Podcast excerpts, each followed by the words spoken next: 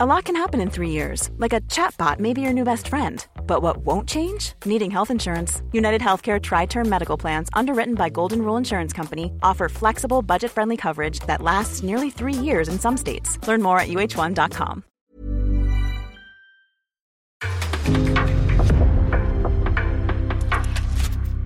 En podcast från Aftonbladet. In the supermarket, you have eggs class 1, class 2, class 3.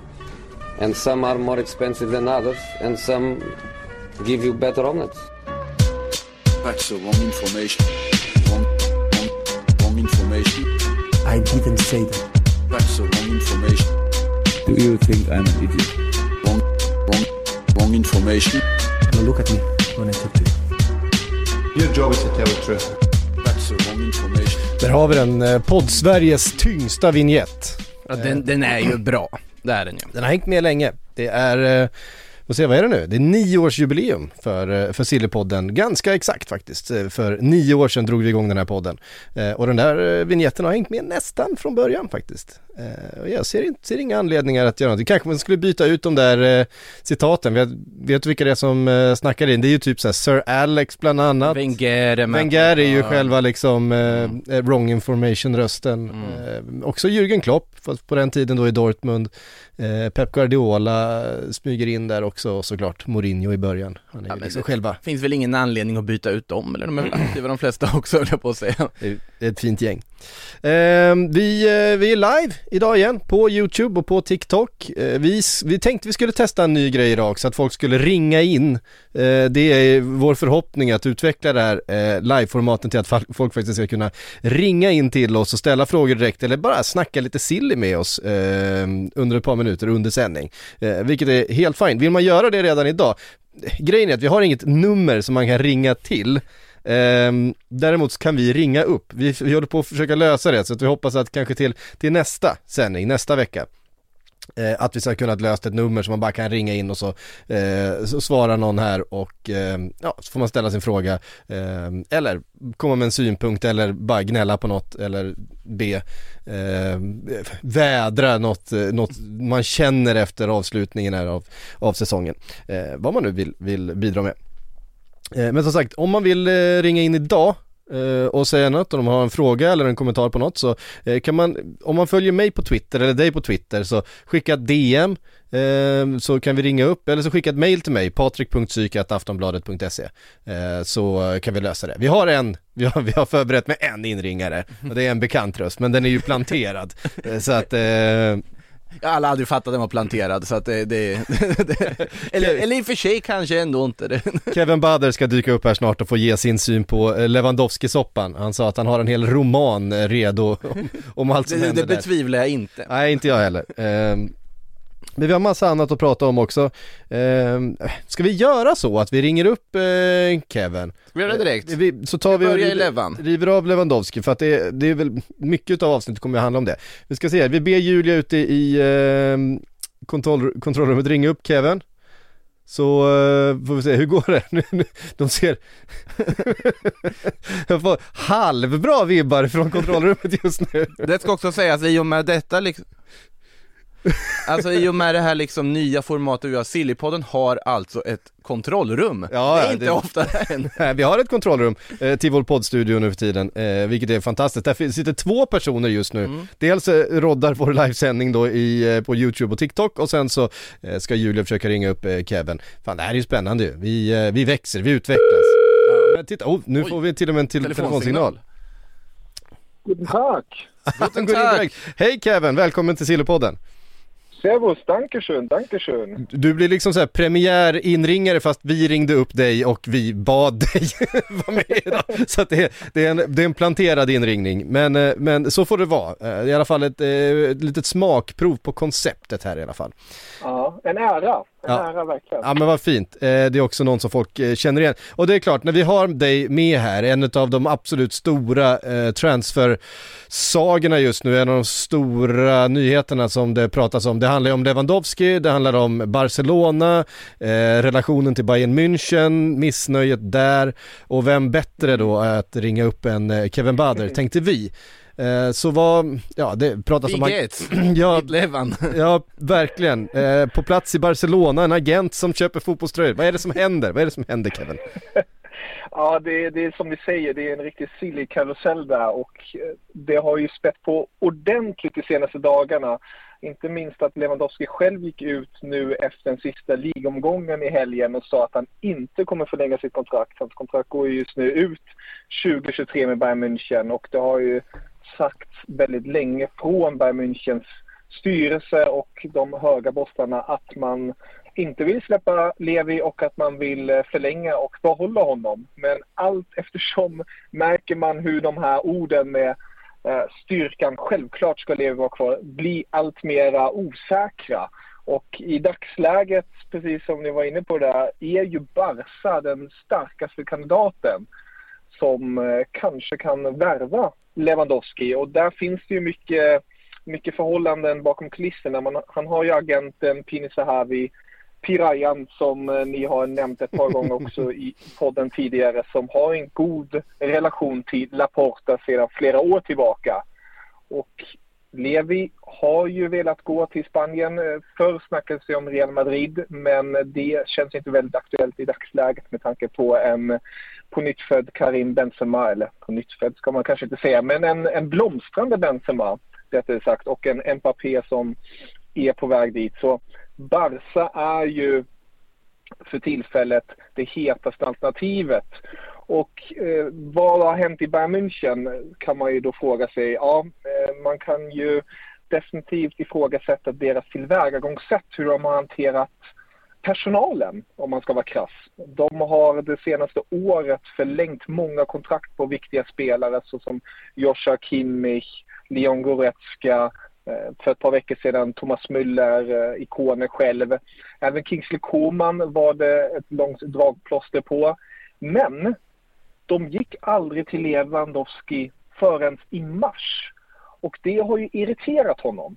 Och Bayern München har ju samtidigt kopplats ihop med Haaland. Och där har man uttalat sig att han är en bra spelare och vi vore dumma om vi inte tittade på honom. Och det spär ju ännu mer på och Pini Sahavi, Levis agent då, ser ju den här möjligheten då och eldar igång Lewandowski. Säger, de bryr sig inte om dig, de har inte kontaktat dig, borde vi inte kika lite runt?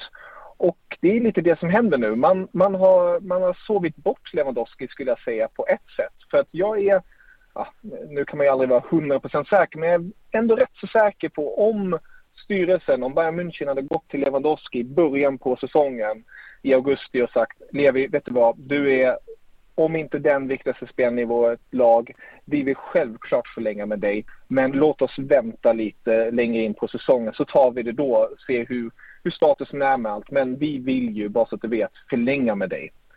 Man gjorde inte det. Och nu eh, får ju sportchefen Brasso väldigt mycket kritik för att han inte har eh, haft den här kommunikationen. Och det kommer allt mer upp från tysk media att Brasso försökte hijacka Schlotterbeck till Dortmund. Han var för sen på bollen. Han försökte också gå på Rydinger. Där var han också för sen på bollen för att Real Madrid tog honom istället.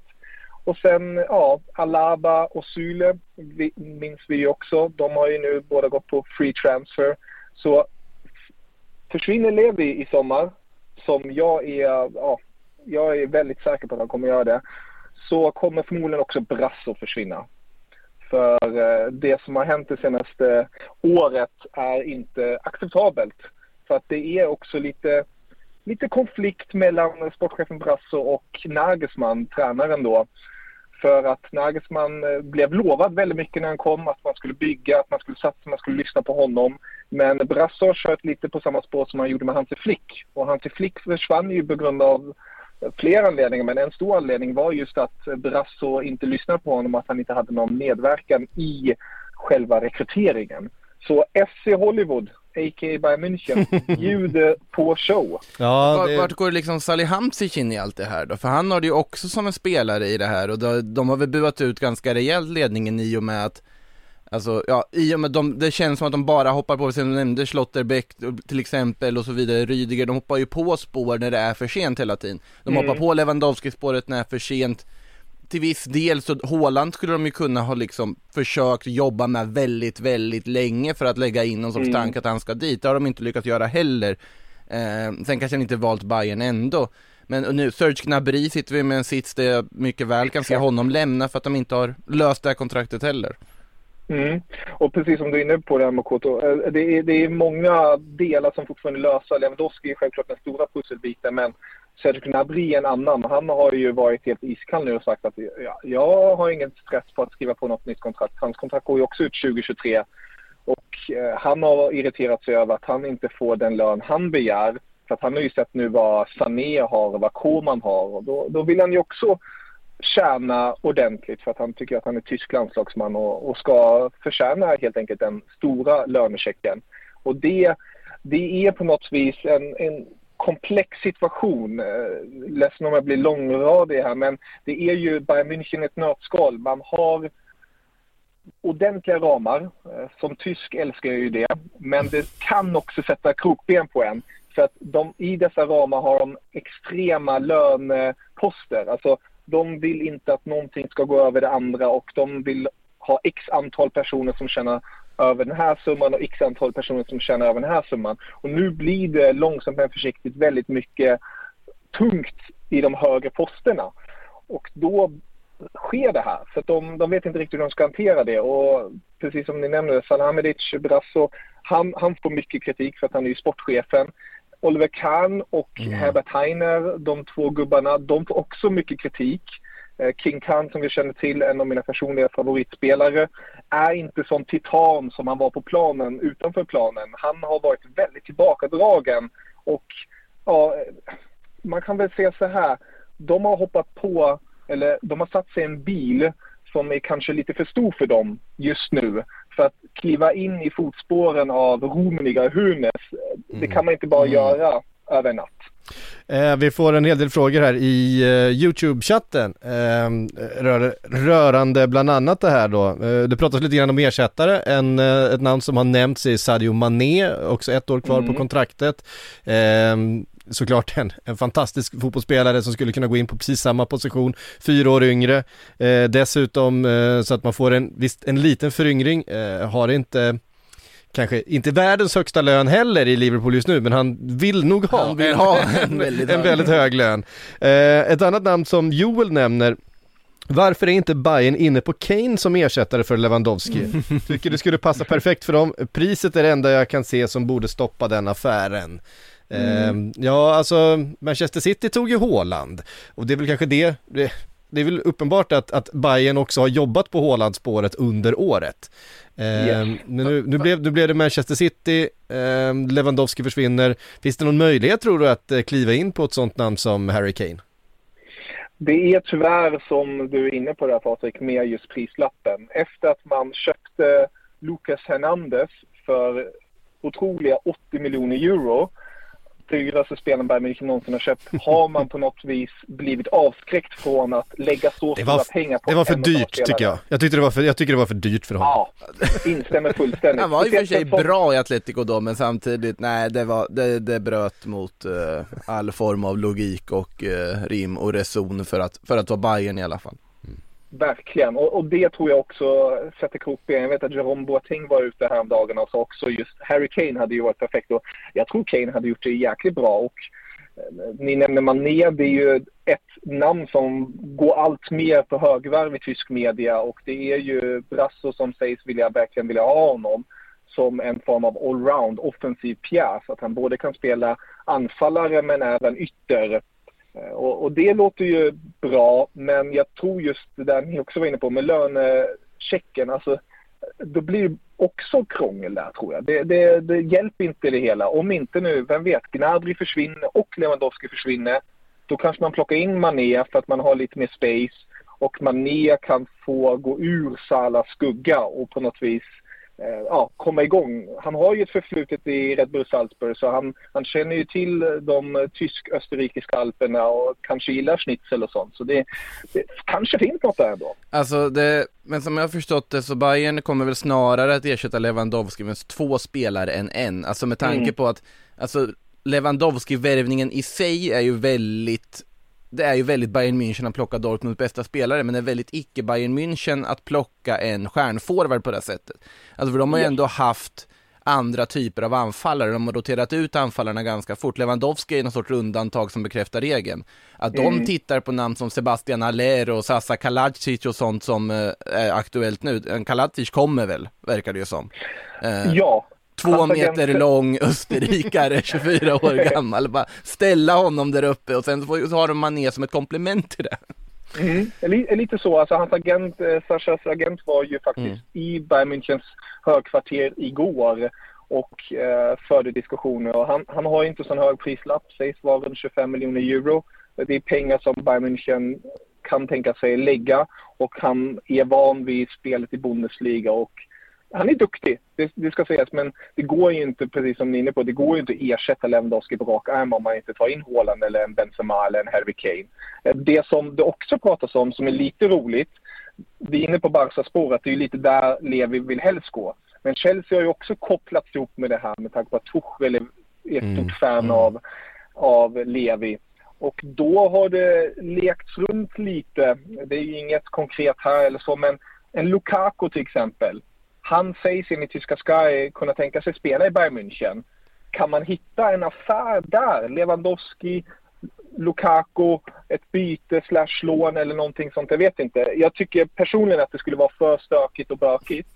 Men eh, det, Ja. det skulle inte vara främmande att de tittar ändå på det. Nej men alltså Lukaku har ju rakt ut själv sagt att det är ju en av de där storklubbarna han egentligen vill spela för. Då, då ingick ju Bayern München i det här så att det Igen. problemet blir ju att Lewandowski nog inte vill dit för han verkar ju väldigt inställd på att Han vill till Barca ju. Det, Ja, det och, där, och problemet där ligger ju i, till att börja med att de har knappt öppnat några förhandlingar mellan Barcelona och Bayern München, vad Bayern München inte velat sälja. Han beter sig ju som att han är på free transfer i sommar, vilket han ju inte är. Det är ju ett år kvar på kontraktet. Alltså, Bayern München behöver ju inte sälja honom. Nej. de kan Nej. sätta honom i reservlaget näst, nästa Och, och säsong. Barcelona pressar ju också medvetet för att Lewandowski ska göra lite många andra spelare gjort för att ta sig till Barcelona. Osman Dembélé en gång i tiden till exempel. som- Bråka sig dit och, Ja, och, och, Coutinho. ja, ja, verkligen. Så att, alltså det, det är ju en tydlig metod och det liksom trycks på. Sen, sen måste jag ju, det, du nämnde ju lite med tröjorna där psyk tidigare. Ja. Och det är ju det är spanska uppgifter då från han Barcelona-journalisten Mm. Gerard eh, Romero som som gick ut och hade bildbevis på när då agenten Pini Zahavi är i Barcelonas klubbshop köper 10 Barca-tröjor med Lewandowski-tryck. Och det, det här har ju diskuterats, det var någon polsk media som sa, men nej han är visst, han är inte där liksom. Jo, jo, jo, och spansk media sa, han är i Barcelona nu och han gör det här. Men Romero sa ju själv, jag har ingen aning varför han gör det. Det finns ingen logik i det här. Men, Nej. Det ska spelas in någon eh, promotion-video. Eh, men med förra årets tröja. Ja, det gjorde ju, eh, jag vet inte om ni kommer ihåg det för en massa år sedan, Zielinski, eh, Napolis eh, mittfältare, Ja. när han gick från vart han nu var, vid Bologna eller någonting, han, precis det samma fönster han gick till, till Napoli. Napoli. så ryktades han ju till Liverpool eh, och ville själv till Liverpool och hade då eh, tryckt upp en Liverpool-tröja med Zielinski eh, namn Är det en polsk grej? Eh, kanske en polsk grej. Och, och, och såg då till att synas i sociala medier. Han la upp någon, ja, men någon Instagram-video eller något sånt där. där han själv sprang runt i eh, Liverpool-tröja med eh, Zielinski eh, namn på ryggen. Eh, och sen så hamnade han i Napoli ändå. Eh, Det är, det är som han unga, unga brassen Endrik, den här sup, nya supertalangen borta i Palmeiras, som Barcelona ska tydligen redan nu försöka värva loss eh, för att de har sett vad som händer med Vinicius, Neymar och andra längre fram. Han har ju sprungit omkring med såväl Madrid-tröjor som Barca-tröjor runt i olika sammanhang och syns väldigt strategiskt och tydligt. Eh, eh, Elof Jönsson i chatten här slänger in Luka Jovic. Ja, det, Mm. det är ett alternativ, men liksom hur kul är det då? eh, för, för Bayern München, då tycker jag faktiskt att, alltså, Kaladzic finns ändå en tanke med, med tanke på hur lyckad Mandzukic var en gång i tiden, en reslig Mm. target, eh, den typen, av Jovic är ju inte den typen av spelare. Nej. Eh, Om, om jag får slänga in ett namn som jag personligen skulle vilja se i Bayern München. Wout det är faktiskt. Timo Werner. Nej. Ja, Timo Werner, Det det är faktiskt det, det är flera i chatten som nämner det också. Mm. Vore Ja. inte det en, eh, en spännande värvning? varit- Och det, det tänker jag, ja han kommer nog kosta en del för Bayern München att lösa. Men hans lönekrav är inte så höga. Han skulle komma in i den här högre posten också. Men han kan spela Nu försvann Kevin. Eh, det, jag vet inte ifall det, vår telefonlina bröts, vi vet inte vad som hände där. Eh, vi, vi får gå vidare, vi skulle ändå göra det. Eh, vi har massa Tack, annat. Kevin. Tack, tack Kevin för att du var med. Vi krigar på härifrån. Eh, de ser eh, ut som frågetecken i, i kontrollrummet just nu. Bodin, lös det här. Eh, och nu ringer det här. Det var en annan Eh, signal än förra gången. ja, det är spännande det här. Ja det här, är, det här är stökigt, men eh, vi får väl hoppas att eh, Bayern München kanske kan knäppa av eh, Timo Werner de där slalompjäxorna han har sprungit runt med i Chelsea, att han får tillbaks någon slags touch. Om man nu skulle hamna där och det vill säga. Jag tror ju fortfarande att det, alltså det kommer vara en reslig target plus något annat komplement. Mané tror jag blir svår att lösa för dem, men Ja det blir också väldigt dyrt. eh, Kalati ses som i princip, alltså den, den känns otroligt logisk. Ja men in med, in med Kevin igen så vi får runda av i alla fall. Är du tillbaks? Jag hör Nu det. är jag tillbaka. Ja, vad bra. Ja. Eh, nej men eh, vi, vi, vi måste runda av här och gå vidare, eh, men eh, nu får vi i alla fall säga tack för din medverkan.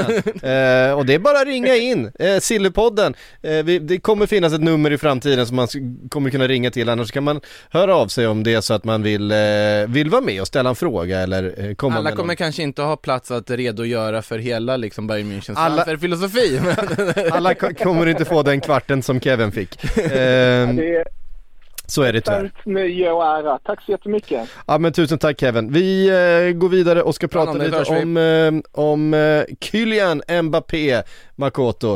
Eh, Kylian. Ja.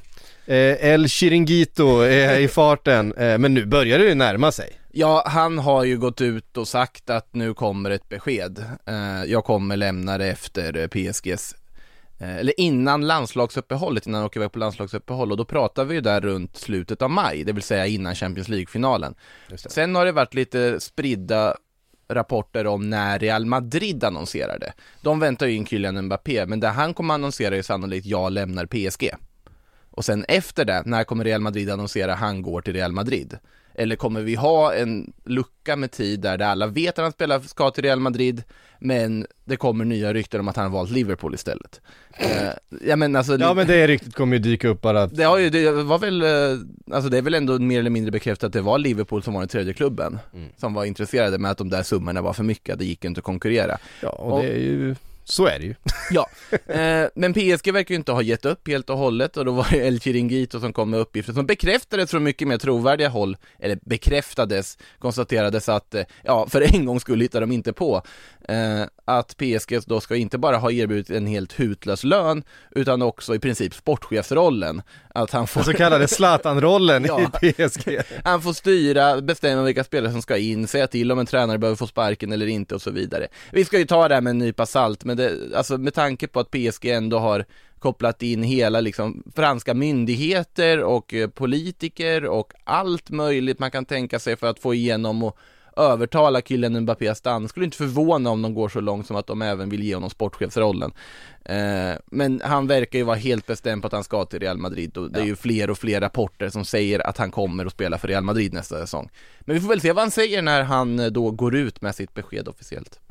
Ja det blir spännande och det, vi får ju ett slut på den här sagan nu i alla fall, eh, om inte allt för länge. Ja, det, alltså den har ju pågått för länge. Man är ju trött Man är jättetrött på den. Man är jättetrött på den. Eh, det är ju till och med så Usch ja otacksamma Real Madrid-fans som är trötta på den och känner att nu, nu är det bara irriterande, nu får han ge sig. Okej, Real Madrid värvar en av världens absolut bästa spelare som fortfarande är 23 år gammal och som jag är helt säker på kommer vinna såväl Champions League-titlar som Ballon d'Or-troféer i Real Madrid-tröjan. Eh, det, det finns inget annat på horisonten eller på kartan. Så att eh, med stor risk att eh, jinxa det här fullkomligt. Men eh, Det är okej. Ja, nej, men jag vet att man har ju, man satt ju för två, jag vet inte, vad säger mitt första avsnitt, jag var med i Sillypodden någon gång för, vad det, tre år sedan eller vad det var. Då sa jag väl också Kylian Mbappé kommer spela i Real Madrid. Man väntar ett tag, men nu, nu verkar det ju bli av i alla fall. Vi får, vi får väl se, men ja, snart är sagan slut. Mm. Snart är sagan slut. Ehm, vi går vidare då, det håller på att bli en ny saga runt eh, Paul Pogba och hans, eh, alltså herregud vad vi har pratat Paul Pogba de senaste åren i, i Sillypodden. Vi har pratat mycket mer Paul Pogba i Sillypodden än vad vi har i Premier League-podden för han har helt ärligt inte satt speciellt stora avtryck eh, på ligan eller på Manchester United och nu ska han lämna och det här är ju sista chansen för honom att på något sätt bli den spelaren som han skulle bli. Eh, det blev han aldrig i Manchester United. Alltså vi pratade om Paul Pogba en gång i tiden som att han var nästa världs, alltså den bästa spelaren i världen. Han var liksom på väg dit. Eh, det var den kurvan han eh, befann sig på. Så otroligt mycket fanns i hans arsenal, hans verktygslåda. Och sen så har ju liksom det Delvis har han ju sig själv att skylla såklart. Han har ju varit en del i att Manchester United eh, inte har eh, flugit de senaste åren. Han har inte alltid haft den bästa attityden men det har inte heller varit den bästa miljön eh, för någon som har varit där. Det, är ju, det råder ingen tvekan om. Det här är sista chansen för Paul Pogba att visa att han faktiskt är den spelaren som han själv anser sig vara, för så är det ju. Eh, han har ett enormt stort lönekrav fortfarande. Juventus har erbjudit honom ett treårskontrakt som inte mo- motsvarar den lönen. Någonstans kanske man också måste se över sitt marknadsvärde just nu. Det, det kan vara så att man måste bita i det sura äpplet och, och låta egot ta en liten törn. Ja, men det beror lite på eftersom PSG har ju erbjudit PSG har mer pengar än Juventus. Exakt, och det Pogba sitter i är ju nu lite ett val där han överväger båda alternativen sägs det. Och det ena är ju då Juventus som erbjuder klart, betydligt mycket mindre, det är väl, jag tror att hans lönekrav ligger på 11 miljoner euro i årslön. Juventus erbjuder någonstans mellan 7 och 8. Sen är det lite bonusar och sånt som tillkommer såklart och Juventus, är, de, de trycker alltså max vad de kan. Eh, men de kan visa att här kommer du få en nyckelroll, här vet du vad som gäller, du kan bli en del av det här Juventus som ska komma tillbaka till toppen igen, spela Champions League, allt vad det innebär att spela för Juventus och han trivdes i Juventus, han tycker om Juventus. Bara titta på att han skickar en hälsning till Paolo Dybala när Dybala gjorde sin sista match i Juventus. Det säger en del. Eh, och det är ju hans bästa period i livet, i, i karriären, i Ja, fotboll. utan tvekan. Så att det, man förstår ju att det, den aspekten, den sentimentala aspekten lockar honom väldigt mycket att kanske välja Juventus, han vill ju till Juventus. Eh, Men PSG, ja då flyttar han hem till Frankrike, han får spela en massa stjärnor, han får betydligt mycket bättre betalt och så vidare, och en ny utmaning. Så han sitter ju med de två alternativen, sen ligger ju Real Madrid där och, och liksom svävar någonstans, men de verkar inte så intresserade för de har annat för sig. Eh, så att det är nog mellan PSG och Juventus. City vart det ju ett nej till. Ja precis, City erbjöd ju honom ett eh, kontrakt och det tackade han nej till. Ehm, åtminstone ville de inleda någon slags förhandling. Eh, Ja. Visade intresse. Det säger en del om vad City planerar till den här um, sommaren om inte annat. City har, eh, alltså de känns, det känns som att de har eh, Något på gång. De har något på gång ja, de har mycket för sig. Ja, Åland måste- är redan klar. Eh, vi kommer prata lite mer om, eh, om City, men de håller på att bygga om lite grann. Eh, det, det råder ingen tvekan om. Eh, Paul Pogba, 29 år gammal nu. Det här är verkligen, han är fortfarande i en ålder då han kan nå den här höjden och kan visa att han, att han är en av sin generations allra, allra bästa Vi fotbollsspelare. har ju sett en stundtals United tror jag. Ja, ja, Vi alltså, har sett Vi en sett det i till landslaget i- ja. stundtals, vi har sett det stundtals i Manchester United-tröjan. Men han har blivit för påverkad utav omgivningen och han har inte bidragit till att göra den omgivningen bättre. Nej, Så skadebenägen, ja, inte funkat när han inte fått sin skräddarsydda roll och så vidare. Ja, Så och, att- och också gnällt lite väl Mm. mycket. Han har inte varit den som har tagit det här laget på ryggen och, och, Det där har han inte gjort. ehm, och, och sett till att det har blivit eh, någonting annat utav det. Mm. Ehm, utan istället så har, han, så har han kroknat under den situationen som har varit och, eh, och gnällt sig bort från startelver mer eller mindre. Konflikten med Mourinho var ju, var ju enormt infekterad. Sen så det. blev det lite bättre under Solskär men å andra sidan så var omgivningen fortfarande för dålig. Ehm, och dessutom var det en period då han också drogs med en del skador så att eh, ja, det har ju bara helt enkelt inte funkat. Mm. Eh, Manchester City ja, vi kan väl prata lite om deras projekt. Eh, de jagar nu alltså Marc Cucurella, eller säger man Cucurella, Cucurella? Kukureya, Cu- cu- cu- Cucurella. Kan inte, kan Mark prata. Kukureya. Mark Cucurella.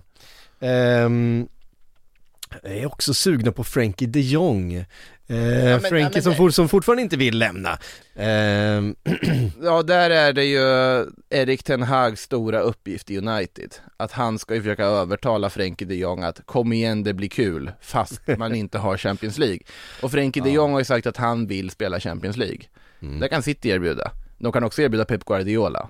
Eh, och de kan erbjuda en ganska tydlig roll där han får eh, leka med Kevin De Bruyne på mittfältet med Rodri bakom. vilket jävla mittfält Ja, alltså. och, och eh, i och med att det kan bli en situation de måste ersätta Gündogan, då kan de, Ja. behöver de inte vara lika alltså flörtiga med att Bernardo Silva ska stanna och inte följa sitt hjärta och flytta närmare sydligare breddgrader istället.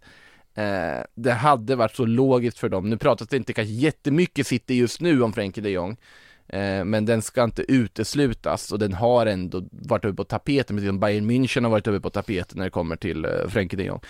Och Kukureya känns ju jättespännande i ett eh, Pep Guardiola. Nej men som, och det är en perfekt, alltså Kukureya är en jättesmart värvning på att du vill ha in en vänsterfotad wingback på vänstersidan. Eh, pratas ju om att Sinchenko kanske kan lämna, då har jag använt Cancelo där som har varit alldeles ypperlig i den här inverterade ytterbacksrollen, men han vill ha en vänsterfotskomplement också. Eh, och de vill ha in en ytterligare ytterback med tanke på att man också tappat en vänsterback. Man, vill, ju- man ska ju alltid köpa minst en ytterback per... eh, per Ja så är det. Alltså, Kukureya skulle ju vara en ekonomiskt sansad ytterback, för han skulle ju bara kosta runt 30 miljoner euro eller något sånt där, sannolikt. Och det är ändå dubbla vad Brighton betalade för ett år sedan.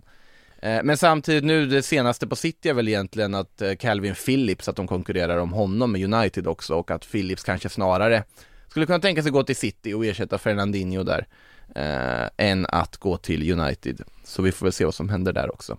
Men mittfält, inne mittfältare kommer de garanterat värva någon. Frågan är om det är typ Calvin Phillips eller Matteus Nunez eller om det är liksom Frenkie de Jong-nivån vi pratar. Mm. Alltså det...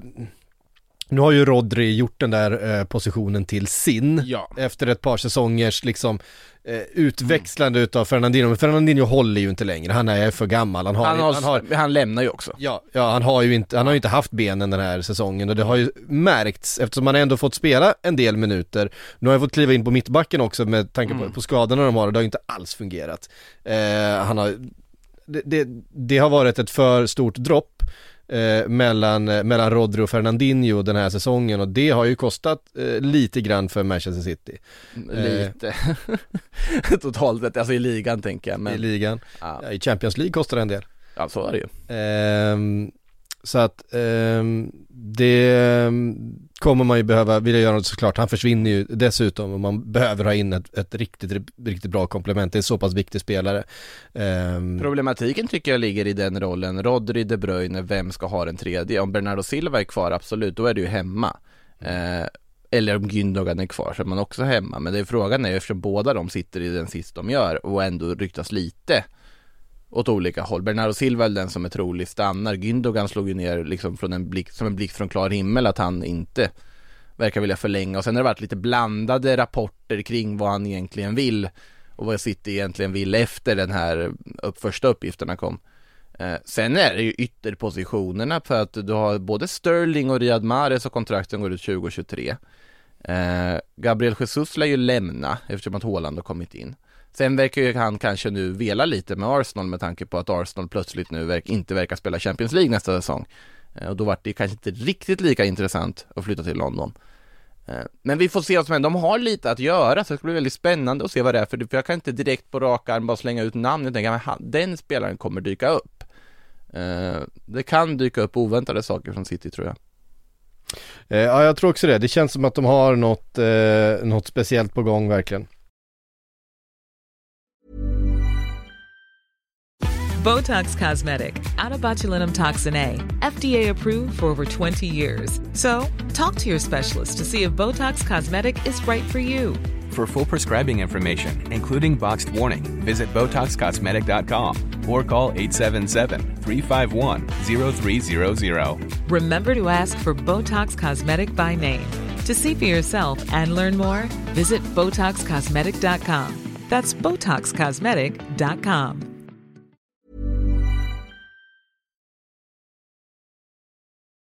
Eh, vi eh, tittar lite på Manchester United också då. Eh, det är såklart Ajax-spelare i första hand. Ten Hag ska ju, det vill man ju göra som tränare. Man vill ju ha spelare som man vet precis vad man får. Man, han vet ju inte vad han får utav den truppen som man tar över. Och då vill man ha några pjäser som man vet att, ja men jag vet att den här spelaren kommer jag kunna stoppa in precis i den här rollen och veta exakt vad jag får. Oavsett om det är en spelare som är världsklass eller inte, så för mitt system, för mitt sätt att spela fotboll så vet jag att jag, jag kommer behöva en på precis den här rollen, ja men då får man handplocka en gammal spelare och det här ser vi ju i stort sett alla tränare göra när de tar över ett nytt lag. Att man, man har antingen en spelare man har scoutat länge själv, kanske till den gamla klubben som man på något sätt tar med sig, eller att man får med sig en spelare eller två från en klubb man har tränat tidigare. Ehm, och här ska det då bland annat röra sig om eh, eh, Jurien Timber eh, från Ajax, eh, det pratas om Antoni, eh, eh, Lisandro Martinez Dök upp här sen, Sebastian Haller har varit på listan tidigare också. ehm, och Frankie eh, är det, det stora då såklart, eh, superstjärnan som han ska försöka locka. Och om man ska ta liksom tidigare Ajax-spelare, då finns det ju ännu fler. Det finns ju en Donny i, i truppen redan, Ja. som jag inte, alltså folk verkar in, ha skrivit av honom lite grann när man tittar bland Manchester United-supportrar tycker Det jag ska man inte göra. Nej, så det många som säger nej men han är för dålig, han har inte här att göra, bort med honom. Alltså, Donny var inte dålig i Ajax under Ten Hag. Eh, Ten Hag vet precis vad han, vad han kan få ut av eh, eh, Donny, så att jag, jag skriver inte alls av honom som en startspelare eh, under Ten Hag. Kanske inte under hela säsongen, men i alla fall inledningsvis, det här första halvåret, första säsongen, så tror jag Donny kommer vara viktig just eftersom han behöver rollspelare som han känner. Ehm, det kan ju också vara att han vet exakt vad Donnys begränsningar är också, att han då ser att det kanske behövs andra. Jag tror att han kommer absolut ingå i truppen. Jag har väldigt svårt att se att Ten Hag, med tanke på hur mycket han behöver Kommer göra. inte låna ut honom till Everton igen? Nej, det, det känns väldigt dumt att göra det, med tanke på hur mycket han behöver bygga om. Eh, nej men av de här så, alltså Timber absolut, jag är ju inte lika övertygad de måste gå för en mittback, att det kommer bli så mycket bättre bara att du plockar in en ny mittback. Eh, jag ser ju ändå att ett mittbackspar med Lindelöf Varann, eller med Varann Maguire, att det kan funka med rätt system och rätt liksom struktur. Det, det är i alla fall där jag tror att det går, men såklart Timber är ju ung, jättespännande försvarare som eh, jag fattar varför man vill värva honom. Eh, Anthony ger ju ett annat, det är ju ett offensivt komplement som det när det var tråkigt för är ju en annan Anthony Elanga om det hade kommit in en Anthony istället och konkurrerat på den positionen men det känns också som en spelare som mycket väl skulle kunna hamna i United och verkar vara väldigt öppen för att vilja spela i United också. Eh, Lisandro Martinez, där har du lite äldre, men han hade kanske varit bättre än vad Timber har varit och utsetts, utsågs av spelarna eller av fansen till årets spelare i Ajax. Eh, i Eredivisie den här säsongen och han vänsterfotad mittback som hade kunnat göra det väldigt bra också och inte skulle kosta lika mycket som Timber heller tror jag. Eh, Så det finns ju lite olika alternativ de tittar på men jag tror nog att någon, minst en eller två från Ajax lär väl dyka upp förr eller senare. Jag har svårt att se annat men prioriteringen den de absolut helst vill ha och som jag också tycker att de ska gå för och tycker helt rätt att de försöker det är Frenkie de Jong. Men det gäller att de inte fastnar i det här träsket, bara jagar honom blint fram till mitten av augusti och sen inser oj då, nu måste vi ha något annat istället och har panik. Det tror jag inte de kommer göra under Ten Hag, men jag förstår varför de jagar Frenkie de Jong i det här stadiet i alla fall. Ja, nej men absolut. Och eh, Frenkie de Jong har, ja, det är ju en klassspelare. Han, han har ju väldigt unika egenskaper som central mittfältare och vet man har man det behovet så finns det ju inte, finns det inte många bättre i världen eh, på just det han gör, alltså den här bolltransporten och knyta ihop lagdelarna och det, med den blicken och Ten Hag har ju verkligen fått ut mycket av Frenkie tidigare i, karriären, alltså när Ajax var sådär fantastiskt eh, underhållande att titta på. Men jag tror också det är en sån lösning, du kan ta in en sån spelare och på något sätt också förmildra behovet av ett defensivt mittfältsankare. Alltså där har du en spelare som håller i boll, som går ner och dikterar villkor, som, som kan på något sätt styra ett tempo också. Han har, det är ju det som är det unika med honom, att han kan ju spela i alla de här rollerna på mittfält. Han kan ju vara en högerliggande box to box. Det finns ju få spelare som är så skickliga på att hitta lägen i straffområden när han hänger med på andra vågen. Ehm, men alltså den spelaren skulle ju liksom lyfta Uniteds mittfält till enorma höjder. Jag kan ju absolut se honom paras ihop med antingen Fred eller McTominay och det skulle höja antingen Fred eller McTominay till att faktiskt funka. Ehm, så att, nej det, det, jag förstår varför de jagar och varför Tenag verkligen vill övertala Frenkie de Jong att nej vi må inte ha så mycket mer än eh, Europa League eller Europa Conference League att erbjuda men eh, du får spela under mig och du får vara en del av nya United och var mycket mer uppskattad än vad han verkar vara just nu i ett Barcelona som behöver pengar. Mm. Chelsea eh, har haft en stökig vår eh, får man säga. Eh, övertagandet från eh, Todd Bowley verkar, alltså närmar sig nu. Mm. Det har varit lite, lite stök runt eh, framförallt de här lånen då. Det kanske inte bara, det har inte bara handlat om Eh, dels kom ju Times uppgifter då om att eh, Roman Abramovic vill ha tillbaks de här pengarna trots allt, men det verkar inte vara det som är eh, fnurran. För att de här lånen kan inte riktigt skrivas av heller. eh, hur som helst. Det rör sig om väldigt mycket pengar, det, Mm. om eh, miljarder liksom. Eh, och att så länge tillgången är frysta så kan inte heller skulden skrivas av, utan det måste ske på något sätt i efterhand. Men nu verkar då eh, Abramovic advokater och den brittiska regeringen vara överens om ett, eh, en, ett sätt att, att på något sätt häva eh, sanktionerna på något sätt för att de här eh, lånen ska kunna skrivas av för att det rent tekniskt ska kunna gå att genomföra. Eh, det här har, det har varit fnurror på tråden under den senaste veckan. Nu låter det i alla fall som när man läser eh, rapporterna från London som att det är löst. Och att Todd Bowley då ska kunna kliva in som ny ägare om inte allt för länge, att man ska kunna hålla de här deadlinesen som det, som det pratas om.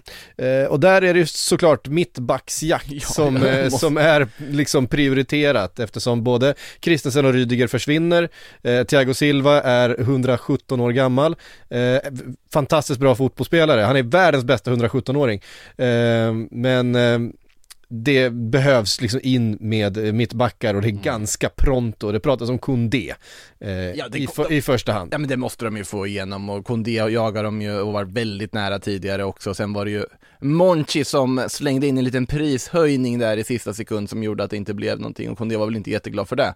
Otroligt att jag åldershånar en person som är tre år yngre än vad jag är dessutom.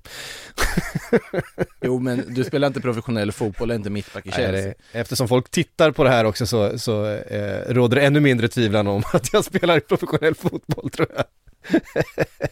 Ja. eh, bra. Eh, I alla fall. Eh, nej men, eh, jag ska säga, Kondé känns helt perfekt. Alltså det, det säger jag till alla lag som, alltså även om han har agerat i en fyrbackslinje i Sevilla primärt, så det är alltså det är en mittbackstyp som är unik. Alltså sett, vilka mittbackar kan ta en boll och sen liksom dribbla sig fram genom ett helt försvar och göra mål? Få mittbackar som kan göra det, som dessutom är så pass skickliga i defensiven som Kondé är, ung.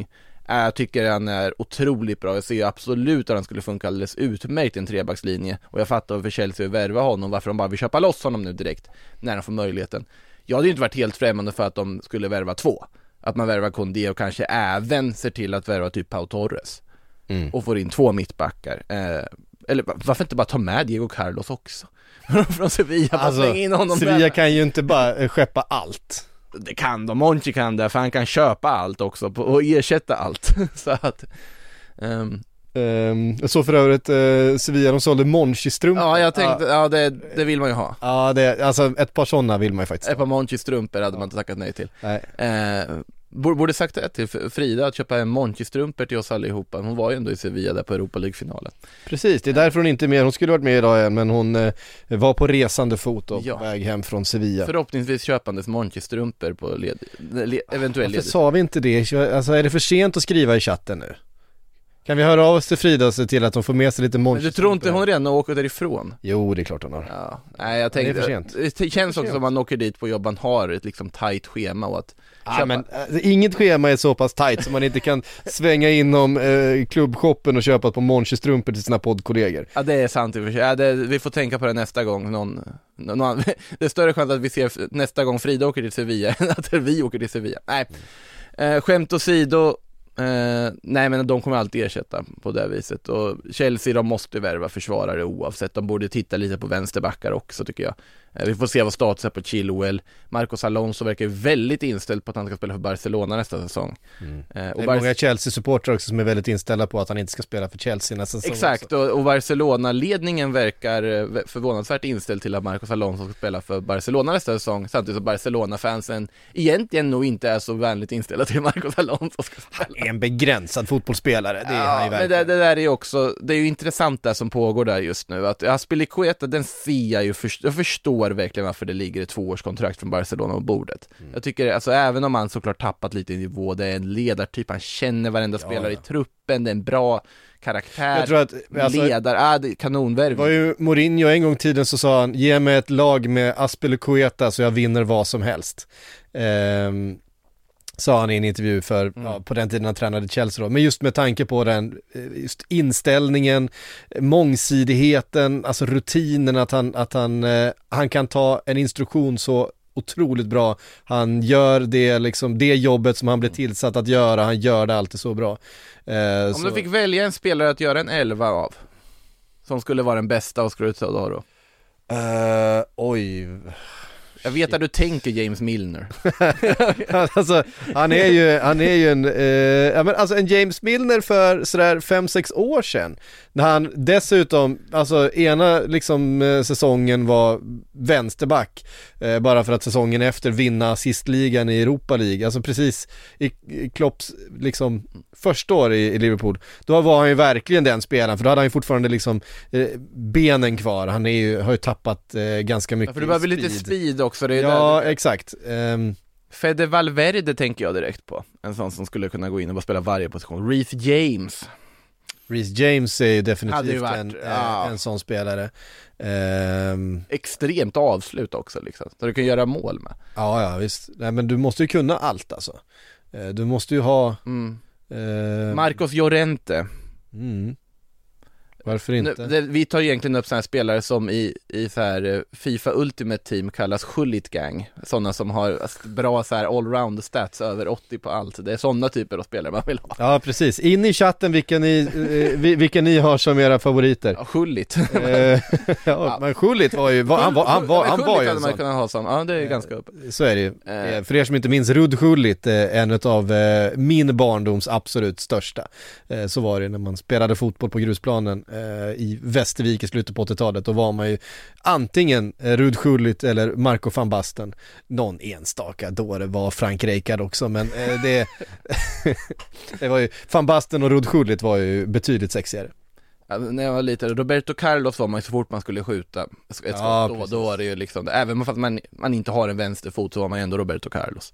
Eh, ja, nej, totalt sidospår där, vi var inne på Chelsea innan. Vi var inne på Chelsea. Och att Ja. Barcelona ska köpa det, jo precis. Eh, Barcelona vill ju värva Marcos Alonso och Aspilicueta, de har redan värvat Christensen också, han är ju klar redan för Barcelona. Jag tycker väl att Aspi är mer spännande än Christensen egentligen. Alonso, där är det ju mer det här budgeten. För att samtidigt så Alemani, sportchefen, vill ju ha Gaia. Eh, och Valencia är ju väldigt öppna för att sälja José Gaya och Carlos Soler till Barcelona.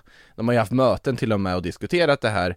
Och ja, det är, ju, det är väl det minsta problemet som Valencia har just nu med tanke på de ljudfiler på Anil Murti som har dykt upp då, ordföranden i klubben där han ja, bland, smutskastar allt och alla och eh, bland annat eh, hånar presidenten för att vara en supporter till klubben och faktiskt bry sig om den. Eh, till skillnad från ordföranden då. Eh, det, det är en otroligt infekterad stämning, otroligt avslöjande av Super Deporte i eh, Valencia-tidningen där. Men i alla fall, där, men Gaia är ju då det som Alemani helst skulle vilja ha, men Gaia anses för dyr, resten av sportsliga ledningen vill hellre ha Marcos Alonso för att det är billigare. Och för att det ska vara ett tydligt andra val till Jordi Alba. Och ja, absolut, men samtidigt tänker man på att de reade bort Kukureya en gång i tiden. De har Miranda som man skulle kunna ha som ett fullgott alternativ. Eh, som säkert inte skulle vara dyr att lösa heller, som skickades till Bettis. Det finns ju alternativ. Varför ska du värva en ny vänsterback för? Det finns jättemånga skickliga, duktiga vänsterbackar som kommit genom La Masia som du har gett bort. Uh, nej, jag tycker det är så underligt varför man ska lägga pengar på en sån spelare eh, i det här läget. Jag fattar varför man vill värva veteraner till andra, jag fattar varför man vill värva Lewandowski. Jag fattar varför vill värva veteraner till, jag fattar varför man vill värva Kessi. Han är ingen veteran, men ändå. Men Alonso, nej. Ja, jag förstår det inte. Nej. Ska vi eh, prata lite Arsenal också? Eh, vi eh, Gabriel Jesus pratade vi en del om eh, förra eh, avsnittet. Vi fick en fråga här på Twitter, nu ska Mm. jag se ifall, eh, alltså jag gjorde ju bort mig. Eh, alltså det var ju dumt. Jag skrev en sån här supergenerell fråga eh, häromdagen på Twitter, så här, vilken är världens roligaste film? Jag tror jag är uppe i 600 svar eller någonting på sätt. Så att min, kan- all, all, om ni har skrivit någonting till mig på Twitter de senaste liksom 48 timmarna och jag inte har svarat så är det för att det har varit fullständigt jävla eh, Ja men, du, mayhem. du, ja, men du, med, du med ett liksom femsiffrigt följarantal kan ju inte fortsätta tweeta på det sättet du gör med att typ fråga Säg en rolig film, vad tror du händer? Ja men det blir ju helt, Vad förväntar du dig av det är, det också, det, det är också det här med alla som skriver in eh, exakt samma film som redan är nämnt 40 gånger i tråden. här? Vilken film är det som skrivs då? Ja men det är de här gamla vanliga, men det är ju liksom Anchorman och Airplane, Life of Brian Air, Airplane är kanske den som har fått flest röster faktiskt om jag ska vara riktigt ärlig. Det är nog kanske världens roligaste film. Eh, Life of Brian är ju fruktansvärt rolig. Ja, Det var inte det, var inte det jag ville till. Mitt problem är att jag inte hittar bland, bland frågorna eh, på, på, på Twitter. Men jag ska hitta fram. Eh, en fråga om eh, Chelsea alldeles... Har du kollat din mail? Eh, jag har kollat min mail. Men eh, ja, det var eh, rörande Marquinhos i alla fall till, till Arsenal. Ja, nu, nu pratar vi alltså den unge Marquinhos Ja, i, i den, inte den gamla utan den Ja. unge Marquinhos. Eh, som verkar vara på G. Vad vet vi om honom? Ja, mer än när han är väldigt mycket yngre än den Marquinhos man först tänker på. Det är inte så jättemycket alltså offensiv ung ytter. Eh, direkt börjar man ju tänka på en spelare som Gabriel Martinelli såklart. Mm. Att det finns en liknande tanke. Jag tror inte det är en spelare du värvar in för att bara gå in i en startelva. Men det är en spelare man har identifierat där, som scouterna har identifierat som, som kommer in, som man säkrar tidigt här då som mycket väl kan utvecklas till någonting eh, jättebra. Det kan också utvecklas till någon som mest bara kommer hänga på lån i Championship och inte bli något av. Det vet man inte riktigt. Men det, det är så mycket jag vet om honom och jag har inte gjort någon research direkt heller. Han kommer ju direkt från eh, Sao Paulo, eh, 19 år gammal, eh, men alltså en, en sprattlig brasse för, eh, för, för 3 miljoner pund, det, det, det tar man väl? Det är ja, alltid men roligt jag börjar ju undra med tanke på liksom vad sprattliga brassar i den åldern brukar kosta. Så undrar jag, ja. hur, hur lovande är han om han kostar 3 miljoner pund? Ja men jag tror att han är rätt lovande alltså. jag vet inte ifall de har, jag tror att de kanske har eh, Ett fynd ett, här. ett fynd på gång här. För jag tänker att, jag nämnde ju Endrik tidigare, 16-åringen, eh, som då inte kommer få gå till Europa förrän han är 18. Där pratas det om summor på 60 miljoner euro. Ja och på tal om en annan spelare som eh, är på väg till Arsenal då eventuellt Gabriel Jesus som vi pratade om i förra avsnittet så kom ju han också direkt från Brasilien för mycket pengar som eh, typ 19-åring. Eh, Ja, men minns inte hur mycket han kostade, var ju inte uppe på så här Vinicius nivåer. Nej det var han ju inte men, eh, va, men han gick ju för en hel del. Det var en, det var en ganska rejäl slant minns jag också, i alla fall i den, den tiden, men man luras ju också av att vad som är en rejäl slant för en spelare har ju ändrats eh, ur den aspekten. Så är det ju, fan hur länge sedan är det han lämnade eh, Brasilien här nu för? Så här, Gabriel Jesus transfermark, det är ju googling du kan göra om du vill hitta hans pris snabbt. 32 miljoner euro. Ja, det är mycket. Så att det är 300 miljoner betalade de då för en eh, ehm, Tonårig brasse från, Ja, ja, från Palmeiras mm. Eh, där han spelade. Så att, eh, ja, han var då 20 bast eh, var han, skulle fylla 20. Så han var 19, precis som Mm. eh, Marquinhos. Kostade då 300. Så att det är ju en, det är en tiondel av priset då. Så vi får väl se. Ja. Vi får väl se vad det blir. Vi får se vad det blir, alltså det är ju, det är ju verkligen så, det går inte att veta men det här är ju inte en spelare de värvar in för att ja, han ska in och konkurrera eller han ska vara Det hade varit något om de köpte den riktiga, den riktiga Marquinhos, men den, den äldre Marquinhos, Ja, hade men- de, det, det, han hade inte gjort bort sig. Det hade kunnat dyka upp ett behov för det med tanke på att det kommer ju uppgifter här nu om att Arsenal faktiskt överväger att sälja Gabriel Alltså om rätt bud kommer in, att man ändå är öppna för det Jag jag, trodde de skulle sätta ihop ett helt, eh, ett helt lag med Gabriels. Gabriel, Gabriel Jesus, eh, Gabriel, Mar- Paulista. Ma- ja, Nej, nej, Martinelli. Ja, då måste de värva tillbaka Gabriel Paulista igen också som sagt Eh, Ja, men det är ju den, ty- det är den typen av truppbyggen som jag, som jag premierar. Det är det jag för, jag vill ha, jag vill, jag vill ha ett Nå- tema. Dju, ja, ett te, djupare tema än bara, det är de här, de här gamla liksom när United och City var igång och hade diverse mittfält där man alltid hoppades på de här Pokémon-utvecklingsmittfälten Ja. eh, När City hade Fernando, Fernandinho och då ville man att de skulle värva Leroy Fer Då hade Fer, Fernando, Fernandinho och det var ju som att eh, United hade Schneiderlin och Schweinsteiger och då ville man ha in Schneider där också, Schneider, Schneiderlin, Schweinsteiger Exakt. Eh, Eller som så. Tot- Tottenham med alla deras Harry Potter-namn, och de heter Ja. Winks och Skip och, eh, och så vidare. Kane, Ja, Son, nej ja, Troy Parrott. Ja det, det, är, det är otroligt eh, ja, det, det känns som en kille i Hufflepuff Ja, Det gör det. Det verkligen. för de flesta känns som killar i Hufflepuff det av eh, Tottenham-spelarna, det får man säga Vi måste ju hasta vidare på, på Vi måste ifrån det här Ja, herregud vad vi, vad vi eh, snurrar in oss. Um, Dybala, eh, det pratas eh, fortfarande om eh, fler klubbar än Inter. Jag trodde han skulle vara klar vid det här laget, men det är han inte. Det pratas om Spurs bland annat. Ja det, det har du gjort för. Det var ju inte, Ja, det, det har du gjort, men man, jag föll inte, att man föll inte av stolen när man läste Tottenham är intresserade av att värva Paolo Dybala. Då föll man inte av stolen, för den, den har ju man hört förut, han har varit nära förut. Gud ja. Sen har det inte, det är inget konkret på bordet än där, men såklart att de är intresserade och tittar. Det som man däremot föll lite mer av stolen, och det får man väl ta med en, jag vet inte hur mycket det stämmer, men La Republicas uppgifter om att nej, han kommer inte gå till Inter, han har ju sagt det liksom, han är aldrig i livet. Utan snarare att det är Roma som leder jakten och José Mourinho då lagt in någon form av charmoffensiv för att locka honom dit. Den är lite mer intressant tycker jag, för det hade ju varit Alltså vilket, vilken statementvärvning av Roma om de skulle få igenom den och vad det skulle kunna lyfta deras chanser att konkurrera sig in i det som jag ändå skulle säga är Big Four i Italien just nu, det vill säga Milan, Inter, Juve, Napoli. Eh, konkurrera sig in där på allvar och slåss om stelplatser så hade ju Dybala varit jättespännande. Men sen finns ju andra uppgifter som säger att han har köpt hus i Inter, nära högkvarteren. I, I Milano då ja. Ja, precis. Eh, och att det kanske, ja, köpt hus i Inter. Ja, nu, nu får jag ge mig. Eh, ja, precis. Så att, eh, så att jag tror ju det blir det ändå. Alltså känslan är ju det. Ja, alltså det, jag har redan räknat in den, jag vet inte, den kändes så jävla, den kändes så, han känns så jävla inter på något sätt. Eh, jag vet inte, det, det är också att man vill se honom tillsammans med Lautaro. Ja, det, det, det, det är det anfallsparet jag vill de, se. kän, de känns ju som att de skulle liksom ja, men, trivas. Han, han är ju en bra version av Joaquin Correa. Alltså Joaquin Correa har ju, alltså e fina egenskaper och sjunker ner och liksom mångsidig, men han är ju skadebenägen och helt ärligt inte särskilt vass, i alla fall inte i en intertröja. Eh, Edin Dzeko går in i samma ytor som Lautaro Martinez, han är nyttig på sitt sätt men han är också begränsad. Ja, han är Eh, inte snabb. Nej, det, det, det, det är inte en av hans stora styrkor idag Han var inte, han var, han var, inte- 35, han var inte snabb när han var som allra snabbast. Edin Dzeko för två år sedan hade ju varit direkt en kandidat till Bayern Münchens anfall.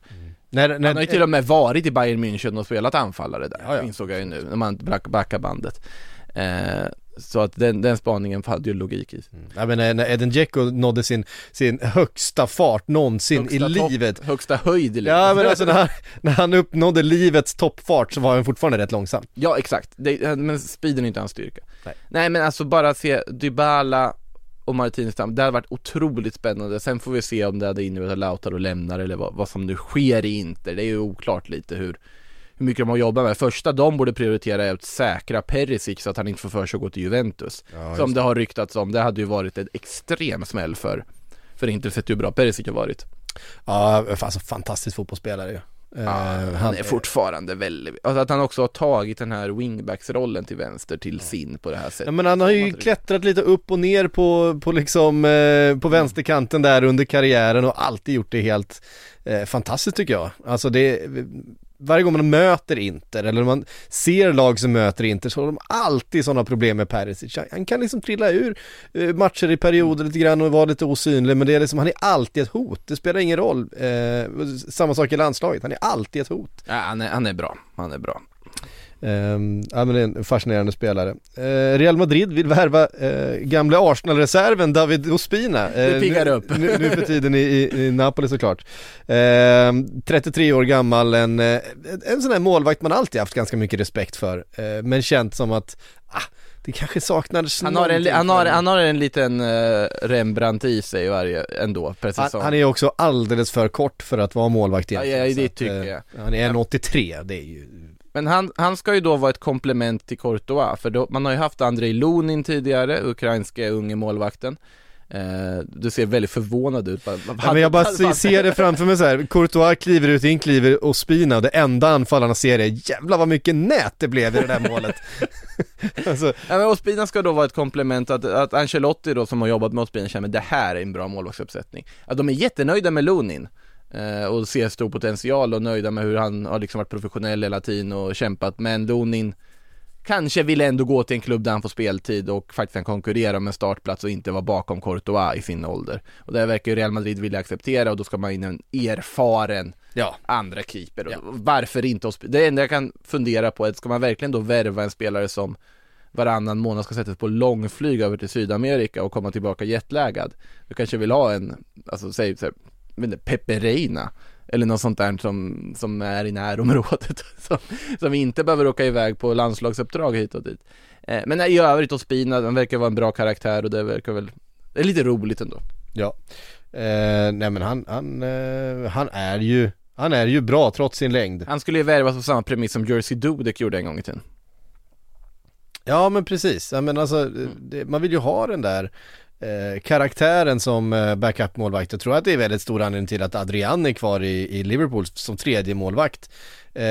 Man har ju faktiskt en stackars eh, Loris Karius är ju fjärde målvakt i Liverpool. Han, är, Han, hans, hänger ju runt där. hans kontrakt går ju ut. Hans och det är ju skönt ut. för honom. om Ja, han, han behöver något annat i livet. Eh, var ju en, en eh, årets roligaste kommentar på Twitter. Han la ju själv upp då en bild med eh, tillsammans med Kostas Simikas eh, Mm. med fa Cup-pokalen och Eh, Simikas står då och håller i den med, med två händer så, så, och, och, och Karius då håller också i den så första kommentaren är ja, Simikas med dubbelhandsfattningen just to be safe det, var så, det var ondskefull var den men, men ja, Alltså vad elakt. Det har gått fyra år. det har gått fyra, hemskt alltså Ja det är det. det, det, eh, usch vilken, vilken jobbig karriär han har haft, eh, Karius, Efter det, ja. sen den där Champions League-finalen. Ehm, vi har såklart fått eh, frågor i vanlig ordning, ska vi se, nu har vi tagit några från eh, YouTube. Ehm, Viktor Falkenström har en, eh, en, ett önskemål. Aha. Eh, som vanligt inte en fråga egentligen, eh, men ett förslag till Champions League-finalen. Kan inte ni överväga en lösning där du och Makoto ser finalen ihop och så streamas detta live via Twitch till exempel. Det vore hysteriskt kul att följa era reaktioner. Jag kan inte lova det här. Eh, Jag kan inte heller lova jag det här, måste- men vi, vi, kan, vi kanske kan kolla matchen, det kan vara trevligt. Kanske vi Sen huruvida det streamas eller inte, det är en annan sak. Problemet är att jag har lite svårt att dela med mig av den delen av mig själv. Det är därför jag gärna ser på fotboll ensam. Därför att jag tycker att, Ah. jag, att jag, jag, jag inte helt, jag, alltså, jag kan inte riktigt lägga band på mina känslor i de här situationerna. Och jag tycker att det är lite jobbigt att göra, och, bö- tillsammans med andra för då måste jag göra det. Så att jag, jag är inte helt, jag ser ju helst fotboll själv, när det är väldigt mycket på spel. Eh, ska jag till exempel åka och se en fotbollsmatch live, då vill jag helst att det var liksom, ska vara serielunk, någonting. Alltså du går inte på viktiga matcher? Nej, helst inte alltså. Intressant. Eh, det är ju ett resultat av att man eh, har liksom vuxit upp i den där tv-soffan med att se fotbollsmatcher själv. Eh, så har det ju varit i mitt liv. Eh, vi eh, kan ta en fråga till. Eh, Mattias Nilsson skriver, borde inte Brighton gå för Mitrovic? Eh, jo, men kan de, kan de få honom? Jag gillar Han den hade, idén. ö, han hade öst i Brighton. Och jag gillar den idén. Jag gillar den idén. Uh, Han hade fan i mig öst i Brighton. Mm. Bayern München. Ja, ja alltså. Alltså jag menar, Varför inte? alltså för Mitrovic då, inte för Brighton. Ja, det hade varit väldigt konstigt. Förtydliga. Ja. Ehm, ska vi se här, vi tar en, ehm, ja, eh, Bear, Bear H. Jag tror att det är Bear Hellstream, vi har haft med honom eh, eh, tidigare. Jag känner igen här eh, namnet. Eh, nämn gärna några rimliga och troliga värvningar som United kommer att göra i sommar. Vi var inne på det lite tidigare ju. Eh, Declan Rice hade ju varit kanon men känns inte så trolig. Nej, Jag tror att, jag tror att eh, vi får sluta hoppas på Declan Rice till Manchester United. Ja, jag tror att det är snarare Manchester City som kanske kan hoppas på Declan Rice till Manchester City. Eh, jag tror ingen kan hoppa på, hoppas på Declan Rice till sommaren 2022. Jag tror han blir kvar. Eh, och det är för att West Ham kommer sätta en helt hutlös prislapp på honom av förklarliga skäl. Eh, så att jag tror att han sitter fast och sen kommer det bli lite gnabb och diskussioner hit och dit tror jag såklart. Men vi får se vad som händer med eh, Declan. Eh, så här, realistiska värvningar United skulle kunna göra. Vi nämnde ju Timber, vi nämnde Anton, jag tror båda de är realistiska. Jag tror Alessandro Mm. Martinez är realistisk. Tyrell Malassia, eh, Feyenoord, vänsterback, skulle kosta runt 20-25. Offensiv, duktig. Av det lilla jag har sett så är han, är han bra. Eh, Men ska ju vara en spelare som Ten Hag också ville ha till Ajax en gång i tiden men inte lyckades få för att Feyenoord och Ajax är inte jättegoda vänner. Nej. Där har vi en spelare. Andra kanten, Nordi Mukiele som har utgående avtal med eh, Leipzig och skulle kunna värvas ganska billigt och de inte verkar vilja förlänga. Absolut en tanke. Eh, mittfältet, om man är kvar på Leipzig, Konrad Leimer eh, som Bayern också vill ha, men som skulle kunna vara en spelare som skulle gå in och göra det bra. Marcel Sabitzer från Bayern München, varför inte?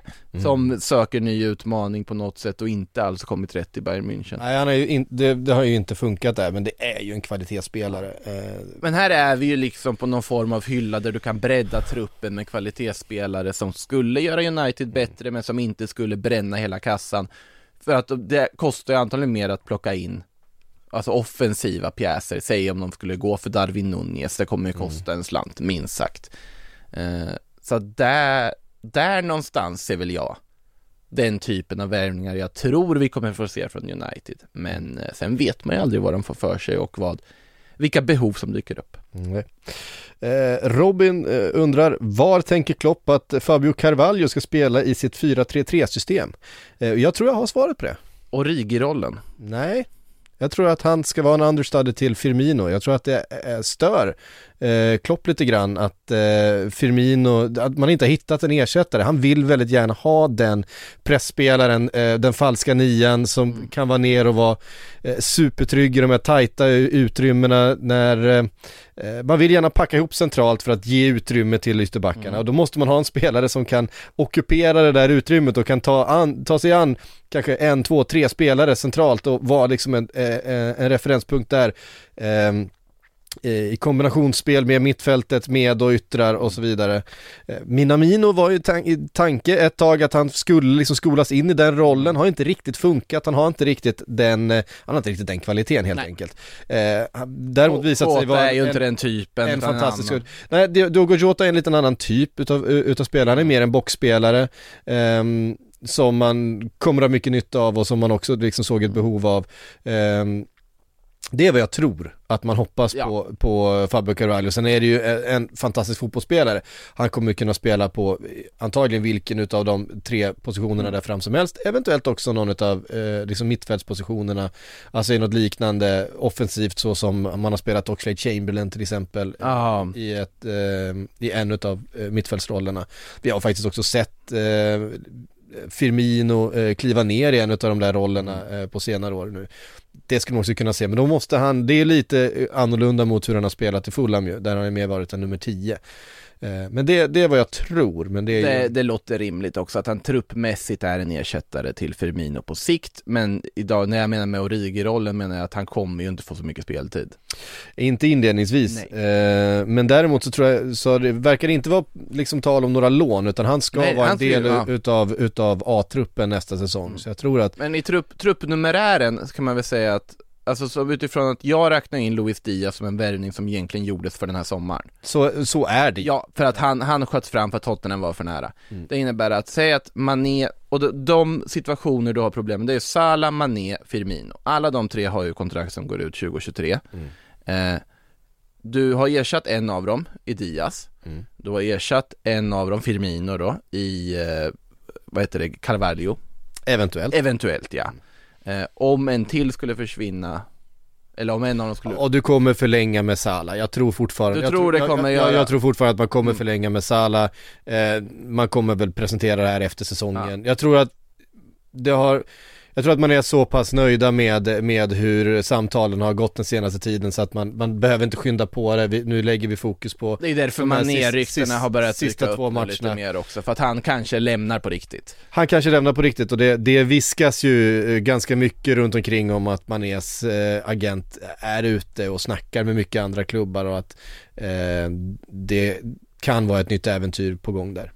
Ja, och om det skulle vara så, då tror inte jag att man nödvändigtvis kommer ersätta honom. I fönstret. Nej, inte, inte rakt av i det här fönstret. Det tror Ja, det skulle väl vara om man då lyckas på något sätt övertala West Ham att sälja Jared Bowen. Ja, vilket jag inte tror. Det eller, att, eller att Barcelona plötsligt inser att de inte har pengarna för att behöva Rafinha som de trodde. Ja, precis. Bowen och Rafinha är ju två spelare som båda har kopplats till Liverpool Mm. under, under de senaste, den senaste säsongen får man säga.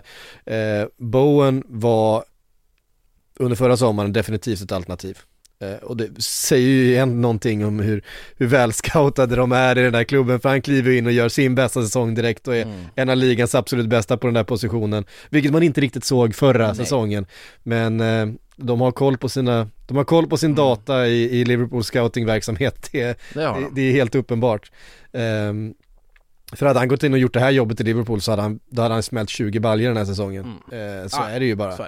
Så Ehm, och en, en fantastisk fotbollsspelare. Alltså, jag är helt övertygad Jag tror han hamnar i Liverpool förr eller senare också. Ja, eller något av de andra, han som skulle kunna hamna i Manchester United också. Ehm, ser jag inte alls som omöjligt. Inte den här sommaren, men kanske Mm. nästa sommar.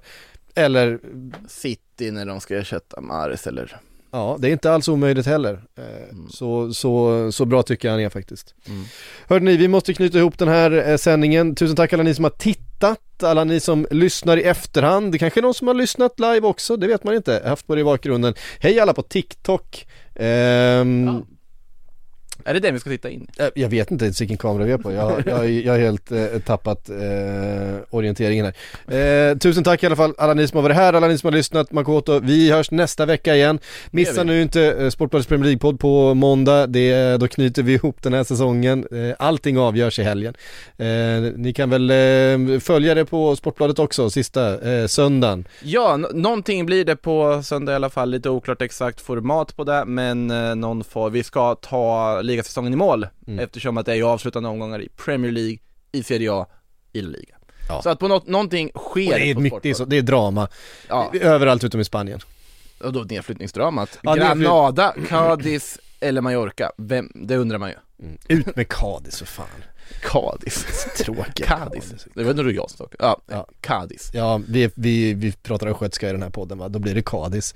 Cadiz. Ja, tack alla ni som har varit här i alla fall. Vi hörs.